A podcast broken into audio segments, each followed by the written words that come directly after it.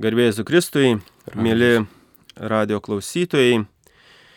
Šiandien laidoje esu aš, Diekonas Audrius Esinskas ir pas mus svečiuose yra mano geras bičiulis Marius Tamoliūnas. Tai vyras, kuris pirmiausia yra tikintis vyras, vyras, kuris yra ir šeimos vyras, gedrės vyras ir nuostabių dviejų dukryčių, eglutės ir ugnytės tėtis ir žinoma yra ir karys. Taigi mūsų susitikimą pirmiausia aš norėčiau pradėti malda, taigi vardant Dievo tėvų ir sunaus ir šventosios dvasios amen.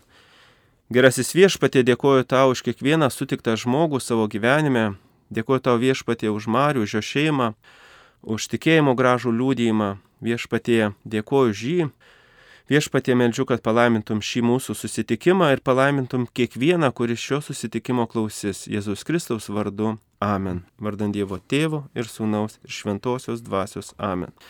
Taigi, Mariau, tave trumpai pristačiau, kad esi pirmiausiai tikėjimo vyras, nes tave dažnai matau bažnyčioje ir niekada kariuomenėje nemačiau, kad būtum gėdijęsis, kad esi tikintis, tai norėčiau pirmiausia išgirsti iš tavęs tavo tikėjimo kelionę.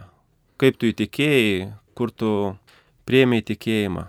Pas mus šeimoje tokia, gal tikėjimas buvo iš tradicijos, buvo privalu eiti ir šventes, didžiasias bažnyčiai lankytis tiesiog. Tai buvo tiesiog privalu, nu tokia tradicija. Ir, ir močiutė eidavo mano, ir senelis, dėdukas, ir, ir mama eidavo, tai visi tenais, aš tikrai buvau pratęs prie tos aplinkos būti bažnyčiose.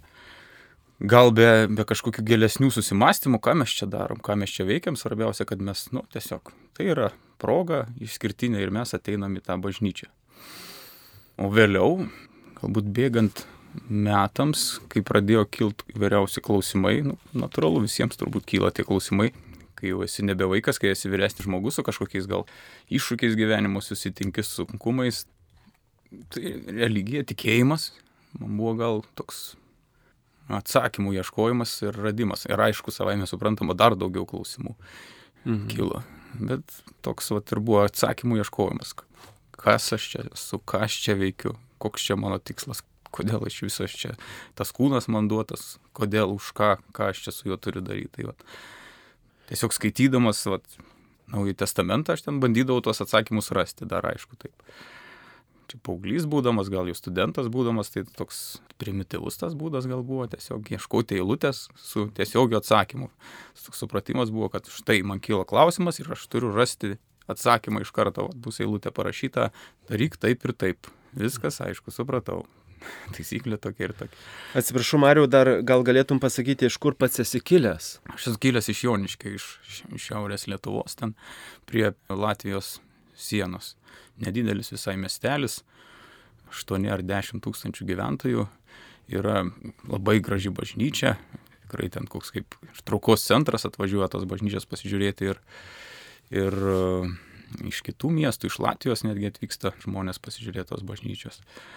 Tai tikrai gražus miestelis, tuo labiau dabar tai iš viso išaugęs, išbujojęs, susitvarkęs. Grįžtant prie tavo va, to, tos pastabos, kad tu ieškai atsakymų, tai noriu paklausti, kaip tau sekasi ir kadangi esi kariškis, galbūt tau padėjo ieškoti atsakymų ir karo kapelionai, kadangi tarnauji ne vienoje vietoje, tarnavęs ne vienoje vietoje, tai kaip tavo sąlytis su kapelionais ir kaip tas atsakymų suradimas.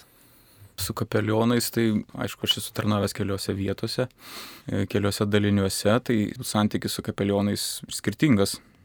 Skirtingas būdavo, tai, sakykime, vienu ir mažiau to kontakto būdavo. Tiesiog per rykiuočių metu, per didžiasias ten šventes toks susitikimas, tai to netgi to kontakto, to klausimo uždavimo elementariaus net nebūdavo progos, kad užklausti, paklausti ar pasiteirauti kažko, nes, na, tiesiog matai žmogų perikiuoti ir, ir viskas per didelį atstumą.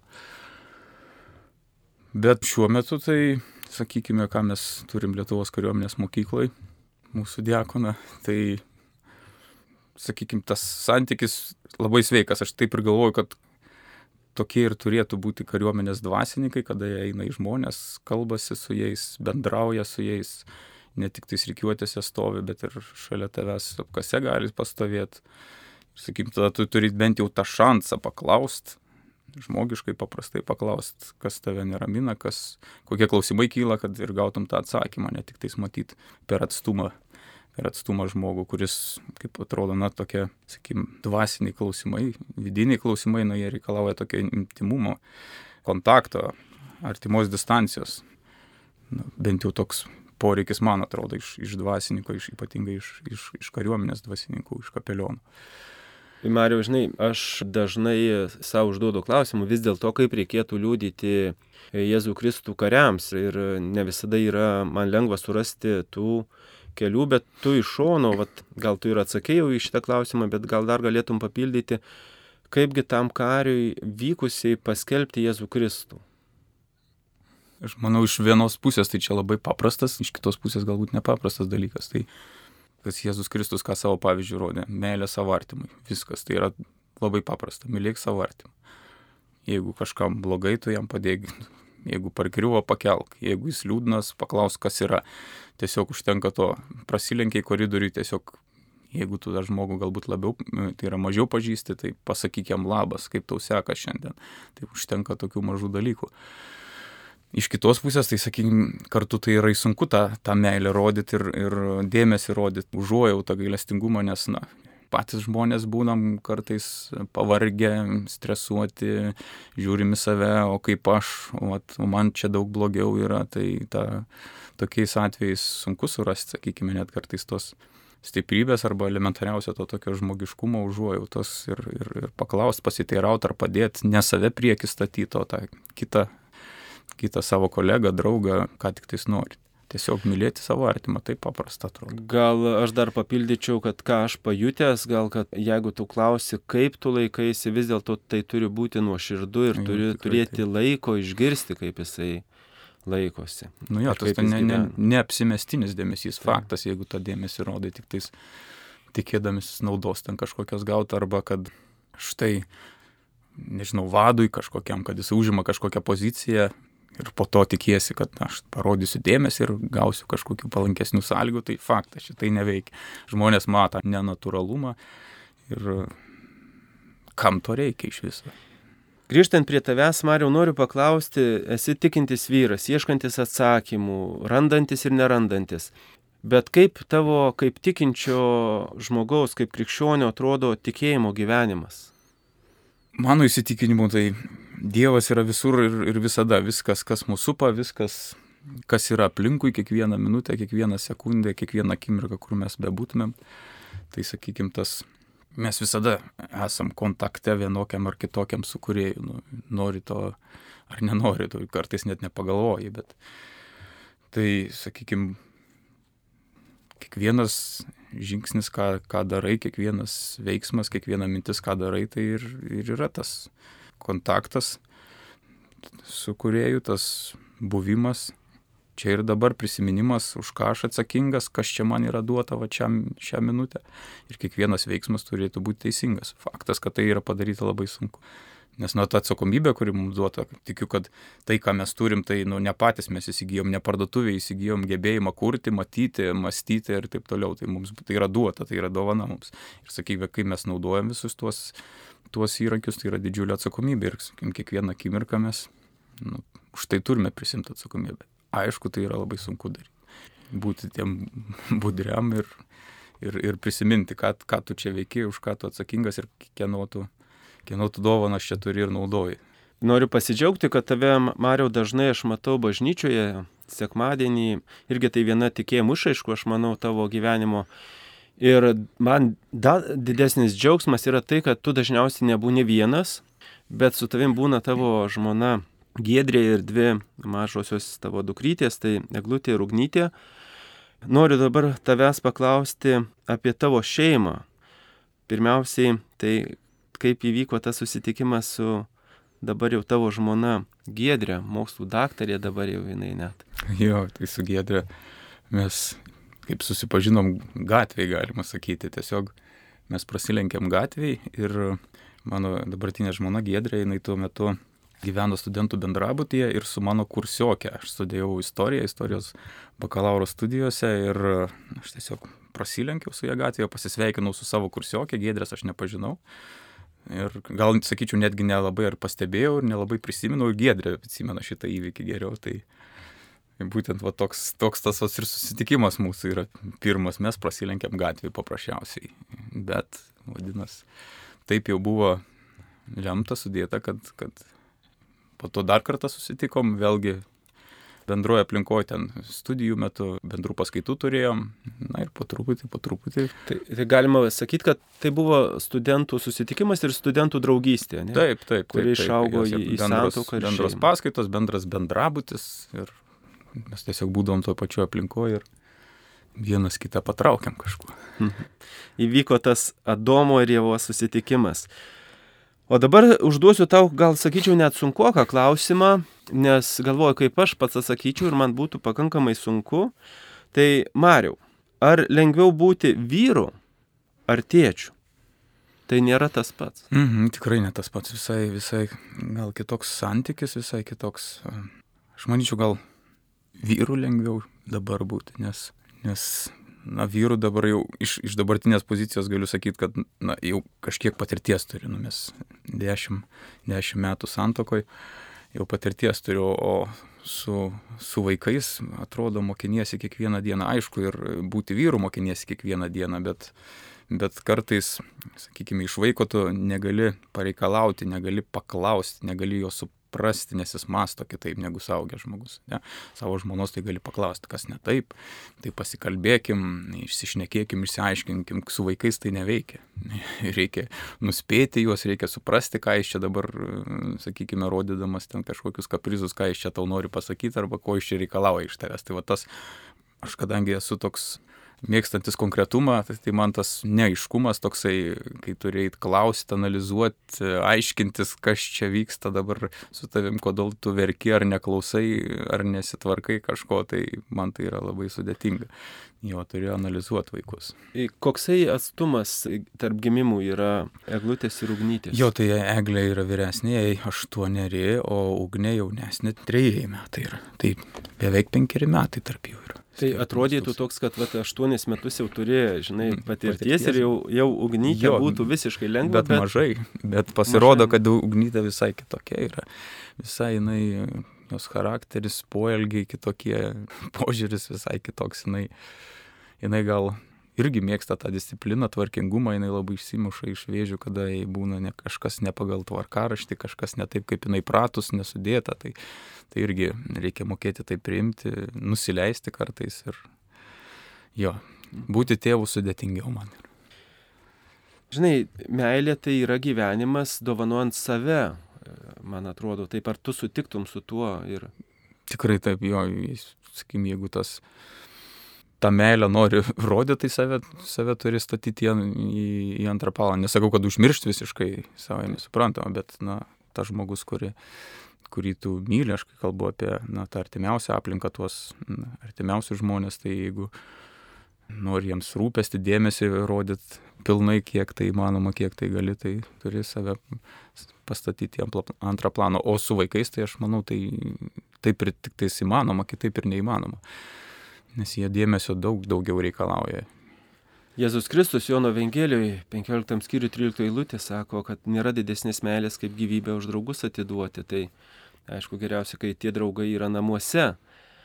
Bet aš manau, kad dažnai ir gėdriai tavo reikia numirti savo dėl tavo tarnybos kaip kario. O aš jie tikrai dėkingas esu už visą tą laiką, kur, kurį jinai skiria tiek, sakykime, elementariausiam namų ūkio priežiūrai, namų priežiūrai, vaikų priežiūrai, kada aš nebūnu namie, kada aš būnu išvykęs, kaip pavyzdys, praeitą rudenį du mėnesius manęs namie nebuvo, buvau išvykęs į kursus užsienyje, tai jinai viskas buvo ant jos pečių. Tiek vaikai, tiek jos darbas, jinai plus dar dirbo.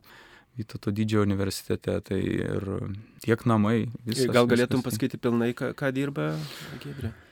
Vytauto didžiojo universitete ir dėstytojauja, jinai yra edukologijos mokslų daktarė, jinai veda paskaitas bakalauro ir, ir magistro studentams, tiek kontaktinės paskaitas, tiek veda ir nuotolinės paskaitas. Taip pat jinai dirba su švietimo projektais įvairiausiais. Pagirsiu tavo gėdrė iš vienos pusės, kuri mane labai žavi, tai jos nuoširdumas ir paprastumas nepriklausomai nuo to, kad yra mokslo daktarė.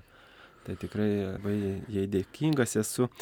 Ir dabar noriu užduoti irgi nelengvą klausimą, tai apie tikėjimo pasidalinimą šeimoje, kas nėra tikrai lengva, nes pažinau, ką tai reiškia. Jo, tai, sakykime, pas mus šeimoje, nu, šeimoje dabartiniai, va, žmona, vaikai, tai tikrai nesudėtinga. Mes visi sutarėm dėl ten įėjimo į bažnyčią, mes visi sutarėm dėl kažkokių religinių laidų žiūrėjimo, filmų žiūrėjimo, dokumentinių ten religinę tematiką ar dvasinę tematiką mes kalbam tom temom, tai yra kažkaip natūralu ir tikrai nesudėtinga pas mus. Aišku, tas tuo apsiriboti nesinorėtų, nes mes turim ir tėvus, ir brolius, ir seseris. Tai čia yra galbūt sudėtingiau, nes kada mes su Gendrė sukūrėm šeimą, tai vis tiek mes gyvenam atskirai nuo tėvų, gyvenam nuo brolių, seserų ir susiformuoja tam tikra kultūra, tam tikros tradicijos, tam tikri įsitikinimai šeimoje ir, sakykime, jas gali skirtis nuo, nuo, ta, nuo to, kaip supranta tėvai, nuo to, kaip supranta ten e, kiti artimieji. Tai jo, čia yra sudėtingiau, dėl to bent jau aš asmeniškai stengiuosi nebrukti per prievartą ir atsargiai laikydamasis distancijos kalbėtam tem, galbūt tokiais, na, žemiškais pavyzdžiais, kažkokiais tokiais kasdieniais pamokymais paprasčiausiais, jo kad per daug na, neišgastinti, kad nesigautų atvirkštinė ta reakcija, tokia atstuminti reakcija. Jo, tai pas mus šeimoje tikrai lengviau yra. Na, su gėdrėmis ar, ar su vaikais, tai mes be, be problemų tom temom kalbam ir, ir tai yra natūralu ir, ir netgi, sakykime, nėra jokio nejaukumo. Kaip pavyzdys aš esu bandęs kalbėti su pažįstamų vaikais. Tai mačiau netgi pasimatimą veide, nes ten per televiziją reklama ėjo, anonsas, atsiprašau, laidos, na ir ten Jėzaus Kristaus skulptūra ir, ir klausė, sunus klausė, sako, kas čia? Sakau, Jėzus Kristus, o kas jis toks? Sakau, tai jis tavo draugas, sakau, jis tave myli. Tai kad aš, sako, nepažįstu, tai jo, jis toks vaikas pasimetęs, kas, kas čia dabar yra.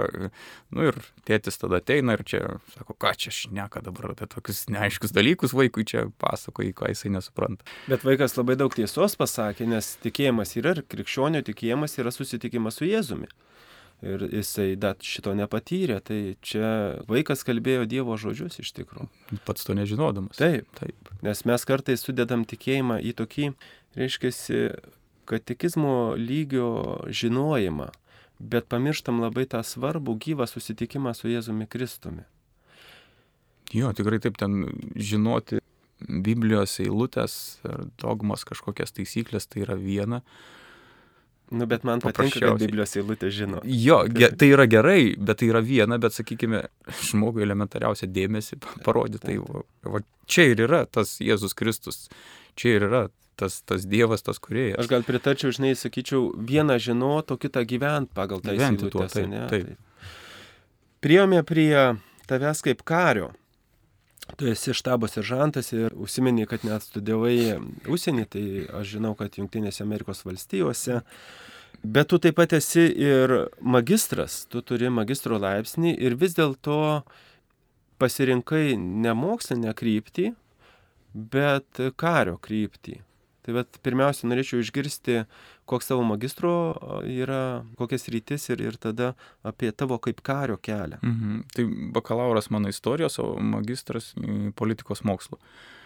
Šiuo metu aš puikiai tai suderinu, sakykime, nes aš esu instruktorius Lietuvos kariuomenės mokykloje ir užsiemimai, kuriuos vedu kariams, tai yra, na, tikrai glaudžiai susijęs su, su mano studijom universitete, nes ir, ir karo istoriją vedu ir būtent lyderystės užsiemimus, kur pavyzdžių tikrai daug randu iš istorijos pamokų, ypatingai kas liečia mūsų, mūsų pokario partizanus, tenais gausybė tiesiog pavyzdžių įvairiausių, tai tas sakykime, lyderystės paskaitas labai praturtina tos istorijos žinios ar politologijos žinojimai, tai kas vyksta ten, tarkim, valstybės lygmenių ar, ar regiono lygmenių. Kaip pavyzdys, tai va, analizuojant karinius, karinius konfliktus, tai man tikrai labai padeda ir aš džiaugiuosi, kad aš tas, tas studijas baigiau ir kad jas pavyksta suderinti su, su karyba. Žinau, kad norėjai siekti net doktorantūros, bet kažkas... Jo, sustabė. doktorantūros buvo vienu metu jau magistro studijas Bet taip susiklostė, kad, na, vis tiek doktorantūros studijos tai ne tik tais asmeninė ambicija, tiek tavo, sakykime, tas tyrimo laukas, tyrimo objektas, jis turi būti naudingas ir reikalingas valstybei kaip tokiai, arba visai akademiniai bendruomeniai, tai, tai čia reikia daug dalykų suderinti, tai nepavyko man, man pradėti doktorantūros studijų, bet aš dėl to nesigaliu, nes tada tapiau, tapau karų profesionalu, į profesinę karo tarnybą tuo metu įstojau ir ta patirtis gauta man labai daug davė kaip, kaip žmogui ir kaip. Tai kas įkvėpė būti kariu ir, ir pasirinkimai kario? Pirmiausia, aš kartais pagalvoju, gal čia toks perdavimas nematomas kažkoks, kažkokie vis tiek genai yra perduoti. Mano senelis amžinatelis buvo partizanas jisai Vaičieno būry šiaurės Lietuvoje, šiaurės rytų Lietuvoje kovojo keletą metų, buvo ištremtas į Sibirą. Taip ir plus, na, tas toks nulatinis, nežinau iš kur jis atėjęs, pasididžiavimas, matyti karį, suvokti, ką jisai daro, žinoti, už ką jis yra atsakingas, tas norėjimas būti kariu, tapti kariu, aš jį žinau, aš jau nuo vaikystės atsimenu, kad tai man, man kėlė kažkokį įspūdį, pasididžiavimą ir aš norėjau jo to. Tai baigęs studijas, galvojau apie studijų pratesimą, kaip ir sakiau, doktorantūros studijose, arba, arba tada tapti kariu. Nes tuo labiau, kad na, studijų metais jau buvau mm, karys savanoris, aštuonerius metus aš buvau, tai, tai tas pasirinkimas tikrai buvo lengvas. Jeigu nestudijuoti toliau, tada tapti tapt kariu. Kas išugdė tau tėvynės meilę? Net nežinau. Net negaliu pasakyti, kas. Galbūt istorija domėjimasis. Hmm. Galbūt jo, nes man ir mokykloje įdomu istorija buvo per studijas dar labiau, kai, kai pamačiau, kiek, sakykime, tai, ką mes turim, kiek tai kainavo. Kad tai nebuvo lengvai mums atiduota, paduota, lėkštutė įdėta kiek žmonės turėjo aukotis, pastangų įdėti, kantrybės, laiko, gyvybės netgi įdėti ir kad mes turėtumėm šiandien tai, ką turim. Tai galbūt tos vat, asmenybės, tie įvykiai, Lietuvos ta visa istorinė raida man gal, gal ir suformavo tą pasididžiavimą tuo, ko mes esam šiandien, ką mes turim, kas mes esam tie lietuviai, kurie sugebėjom atstovėti tokius, sakykime, istorijos laikotarpius, okupacijas įvairiausias ir vis tiek išsaugoti savo valstybingumą, savo tapatybę, identitetą. Tai va tas gal žinojimas, to žinios istorijos ir domėjimasis istorija. Tai ačiū tau, Mariu, kad suvoki, kad, kad mūsų laisvė labai brangiai nupirkta iš tikrųjų. Aš nežinau, kada tu, nuo kada tu mane atsimeni, bet aš atsimenu tave nuo vienų ypatingų pratybų. Tai buvo tarnybas su rezervo kariais, mes gyvenom palapiniai penkias savaitės ir aš tada atsimenu labai gerai Marių, dar žemesnio laipsnio negu aš buvau, dabar jau aukštesnio. Ir mane žavėjo tavo žinios, bet ypatingas įvykis vienas mane tiek palėtė, kad man iki dabar tai yra labai stipru. Baigiantis pratybom buvo prisnigę ir buvo galimybė vadam, skirių vadam palikti apkasą ar nueiti gyventi į palapinę bet tu to nepadarėjai ir likai gyventi su kariais, tiesiog tokiom pačiom sąlygom, kaip, kaip ir tie vyrai, kurie buvo atvykę tik penkiom savaitėm, nežvelgiant į tave, galima sakyti, tai va, aštuoni jau metai savanorių, paskui žvalgyboje, patrulio kursas baigtas, ne, instruktorius ir tu liktai savo galėjai leisti to nedaryti, bet ne, tu likai su kariais. Tai man įdomu vis tiek, kas tave tai skatino ir Kodėl tu tai pasielgiai? Aš tikrai labai vertinu tą laiką, kurį praleidau e, Algirdo mechanizuotam pėsninkų batalionė, žvalgybos būry. Tenais labai sveikas, sakykime, komandinis klimatas toksai egzistavo. Supratimas, aišku, tai ne iš religinių pas, paskatų tas suvokimas, bet su, jis buvo nusistovėjęs tokia taisyklė, toks supratimas, kad štai šalia tavęs yra žmogus, tavo kolega, karys, kuris praeina pro tą patį, pro ką tu praeini ir, jis, ir jeigu mes nepadėsim vienas kitams, mums tik tai sunkiau bus. Sakykim, dalinkime tą sunkumą, tą krūvį visi kartu ir bus lengviau. Tai ir, ir tai atsispindėdavo visose dalykuose, tiek, nežinau, maisto pasidalyme, tiek um, svorį, kurį tu neši pasidalyme, tiek visuose užduotis, kurią tu gauni pasidalyme, nes, nu, šiandien tu padedi, kitą dieną tau padės ir, ir kai tau draugas šalia stovi, atrodo ir netgi lengviau, tai yra netgi tą sunkumą lengviau ištvertai po, sakykime, tas supratimas toks buvo įskiepytas, tai buvo natūralu padėti viens kitam, būti šalia, kai yra sunku. Tai, sakykime, ir, ir na, kariuomenė kitaip, aš manau, neįmanoma, nes, nes na, geras karys jisai vis tiek praeina mokymus įvairiausius, praeina visokius sunkumus, susiduria su savo baimėm, kažkokiam silpnybėm, kai tau, jeigu tavo vadas, sakykime, kai tau yra sunku, jisai nėra šalia tavęs, jisai išeina kažkur, nu tai kurgi tas vadas, kam tada tas vadas reikalingas, tik įsakymai paduoti. Ar ne, tai jeigu aš nebūčiau buvęs tuo metu šalia to kario, kuris civilis, jis ką tik civilis buvo ir štai jisai dabar aktyvaus rezervo mokymuose yra, jisai tik civilis buvo, jis dar nežino kai kurių dalykų, jam na, sunkumai gali būti, kad atsiradus sunkumams jisai pames ir tą kryptį, kodėl iš čia yra atėjęs. Nu, jeigu tuo metu vado nėra, tai kam tas vadas tada iš viso reikalingas. Ne. Kitą dieną tas karys jisai man padės kažkuo. Jisai, tai tai panašiai ir buvo aš sakykime, po keletos dienų, ten maistas jau ėjo į pabaigą, ten kariai ten net nepagalvoja, ten pradėjo nešti, mes turim dar to, mes turim to, prašau, visi sėdam, valgom, dalinamės ir taip toliau. Tai va tas toks šeiminio tokio klimato gero toks sukūrimas yra labai svarbu, nes padeda tuos sunkumus nugalėti. Ir aišku, svarbu irgi pastebėti, kad tie žmonės šitus dalykus pastebi. Jie nėra taip, kad praleidžia pro pirštus ir tikrai tie vyrai, kurie, kaip sakai, ką tik buvo civiliai, tikrai jie tą tavo tarnybą, ką tu darėjai, tikrai labai vertino. Buvai karių savanorių, žvalgyboje tarnavai, dabar instruktorium. Gal galėtum įskirti, kuri tau tarnyba patinka, o gal jos visos patinka, bet savitai? kario savanorio tarnyba, tai aišku buvo pati pradžių pradžia susipažinimas su kariuomenė, kas tai yra iš vis ta kariuomenė, ką mes čia darom. Nes na, tas pirminis toks įsivaizdavimas, na, karys tai tas, kuris bėga, šaudo, vat, fiziniam kažkokiam savybėm pasižymėti. Turi geras bėgikas būti, panešti, nesiskūst, pakentėti, šaudyti. Tai vat, tas supratimas savanorio pajėgose toks ir, ir, ir, ir pasitvirtino. Pirma, pirma pažintis su kariuomenė. Faktas, tai pratybos vyksta savaitgaliais, visą savaitę.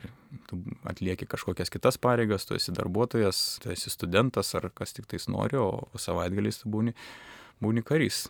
Kas man patiko iš savanorių pajėgose tarnyba, kad susirinkdavo labai įvairiausių žmonių.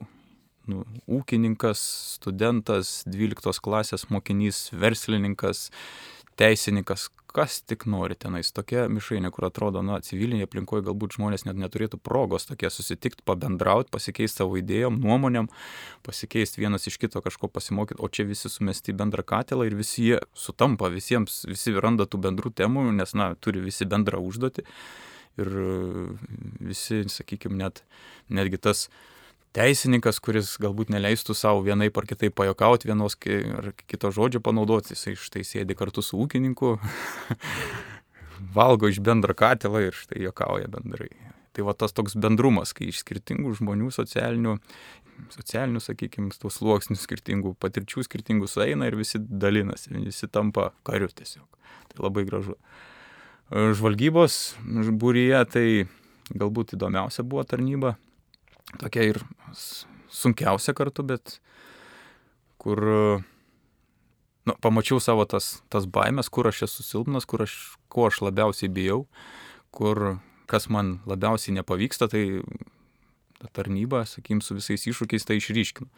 Tai su tom baimėm susitikimas ir galimybė pakovoti su jom, tai čia yra nu, neįkainomas dalykas. Kitas žmogus gali nugyventi visą gyvenimą ir nežinot, kad jisai vat, turi tai, pas jį tai yra, jis kažko bijo, kažko nesugeba, kažko nemoka, kažkur išsisukinėja ir to net nepažįsta.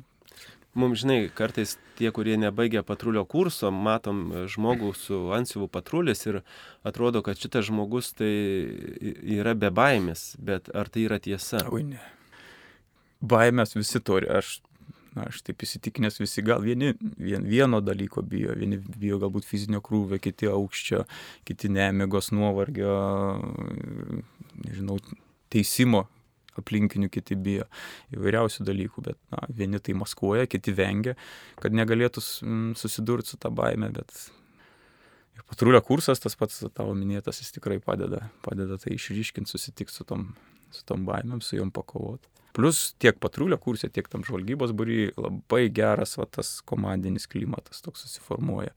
Kada tu jauti artimo to draugo paramą, kai yra labai sunku, kai tai su nemegojęs, ten nevalgęs, užšlapęs, valgyti neturi ir va, tas draugas vis tiek prie tavęs prieina ir tau savo paskutinį kasnį atiduoda, su tavim dalinasi, nu tai čia gražiau ir būti negali. Ar sutiktų, Mariau, kad stiprybė tai yra, kad baimės mes turime, bet jas įveikiam? Jo, mes jas turim, bet, sakykim, ta akistata kiekvieną kartą jinai būna lengvesnė su ta baime. Mhm.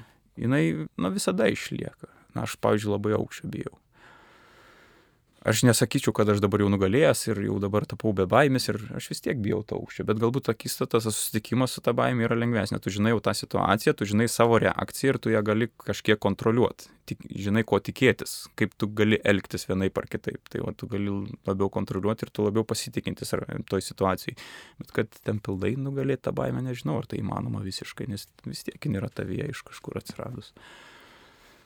Taigi instruktorius. Kiek laiko esi instruktorius, aš nesuskaičiau. Lietuvos kariuomenės mokykloje dabar instruktorius šešeri metai esu. Tai čia vėlgi man puikia patirtis, kad ateina kursai, ateina žmonės iš visos Lietuvos kariuomenės ir vėlgi žmonės su įvairiausia patirtim vieni iš jūrų pajėgų, vieni pėstininkai, žvalgai, vyrėjai, logistai, kas tik tais nori. Vėlgi žmonės su įvairiausiais požiūriais, su įvairiausiais patirtim, tai tiek apie kariuomenę daug žinių išsineši tiesiog bendraudamas su žmonėms, su jais diskutuodamas vienom ar kitom, kitokiom temom, kažką pats instruktoriavo, bet tu kartu ir mokais iš, iš visų tikrai daug susirenki įvairiausios informacijos, patirties, kaip daryti nuo, nuo elementariausių procedūrų kažkokių iki nuomonių, idėjų ir, ir taip toliau. Plus bendrauti su žmonėm, vesdamas paskaitą, tu atsistoji prieš auditoriją, nu ir sakykim, kaip tu lyg ir nuogas esi, tu stovi ir tave visi mato, visas tavo elgesį, visus tavo gestus, e, tai, ką tu sakai, kaip tu sakai, kaip tu atrodai, tai būti instruktoriu tai labai gera pamoka to viešojo kalbėjimo, bendravimo su žmonėm, nuomonės reiškimo, argumentavimo ir taip toliau. Tai tikrai, tikrai geras laikas. O, o tu tam jauti malonumą, tau, tau gerą? Tikrai, Ir ypatingai aš jaučiu malonumą, kai užsimimo pabaigoj dar prieina žmonės ir, ir sako, o tikrai, va šitokio dalyko aš nepagalvojau. O labai įdomi idėja, panaudosiu pas save arba po kurso būna parašo laišką, tai ką jūs sakėt, pabandėm, tikrai veikia ir darysim dar. Tai, tai, kad buvo naudinga, efektyvu, tai žmonių mąstymas galbūt kažkiek požiūris pasikeitė, tai man tada, o, reiškia, gerai, gera kryptis. Mario buvai karys savanorius, žvalgas, dabar instruktorius, praėjai mažiausiai tris kryptis ir karyba ir tikėjimas, ar tai suderinama, ar tai stiprina, ar tai palaiko? Nu, mes sakom, kad karys tai jo pagrindinė funkcija, tai jis valstybės gynėjas. Jisai gina. Nepulti funkcija yra kario, o ginti. Taip. Tai ginti savo artimą, tai čia, man atrodo, lygiai tas pats, kas ir, kas ir tikėjimi yra padėk savo artimui, mylėk savo artimą. Meilės įrodymas, galima. Tikrai sakyti, taip, tai čia, čia dar pasiruošęs, nu, kritiniu atveju nesakau, kad tai čia tikslas yra ir gyvybę atiduoti. Ne. Tai nėra tikslas, aišku, pagrindinis kario, bet svarbiausia apginti, užduotį įvykdyti.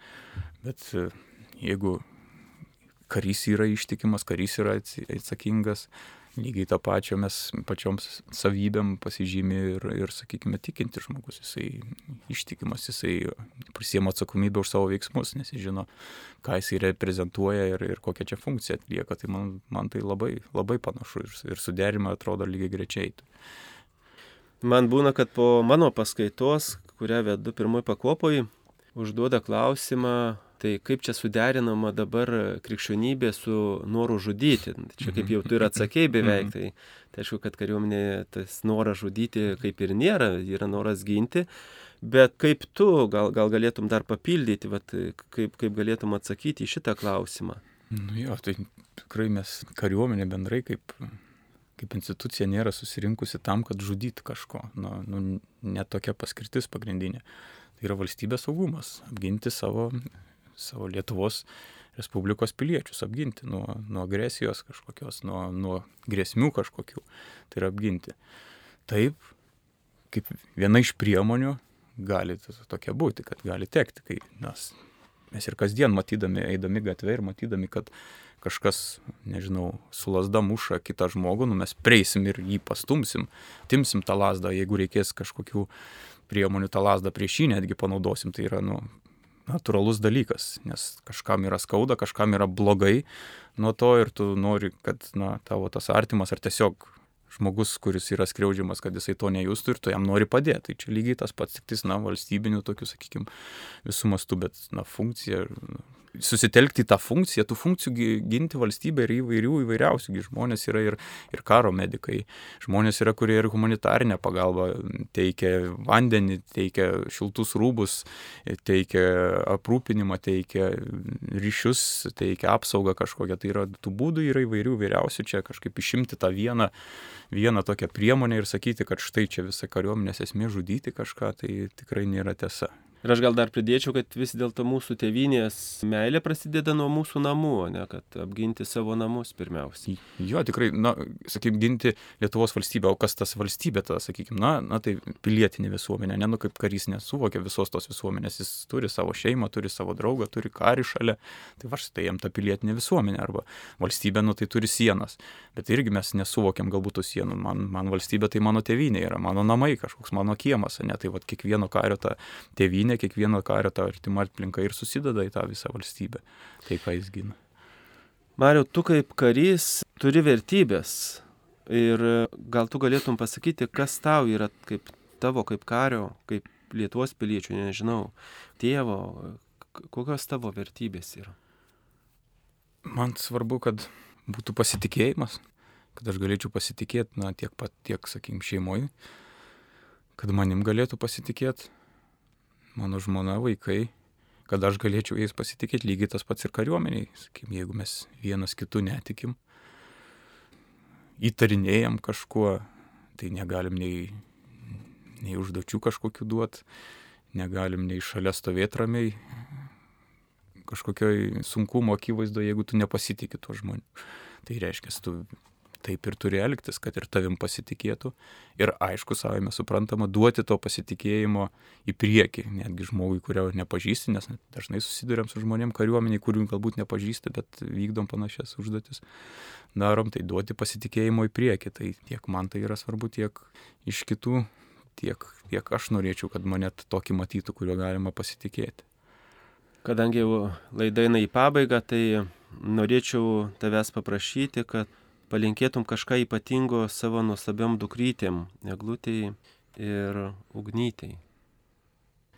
Nenoriu ten kažkokių didelių, didelių dalykų linkėti, nes manau visa esmė yra paprastose dalykuose, smulkmenuose, tai norėčiau jums palinkėti užaukti, užaukti tiesiog žmonėmis.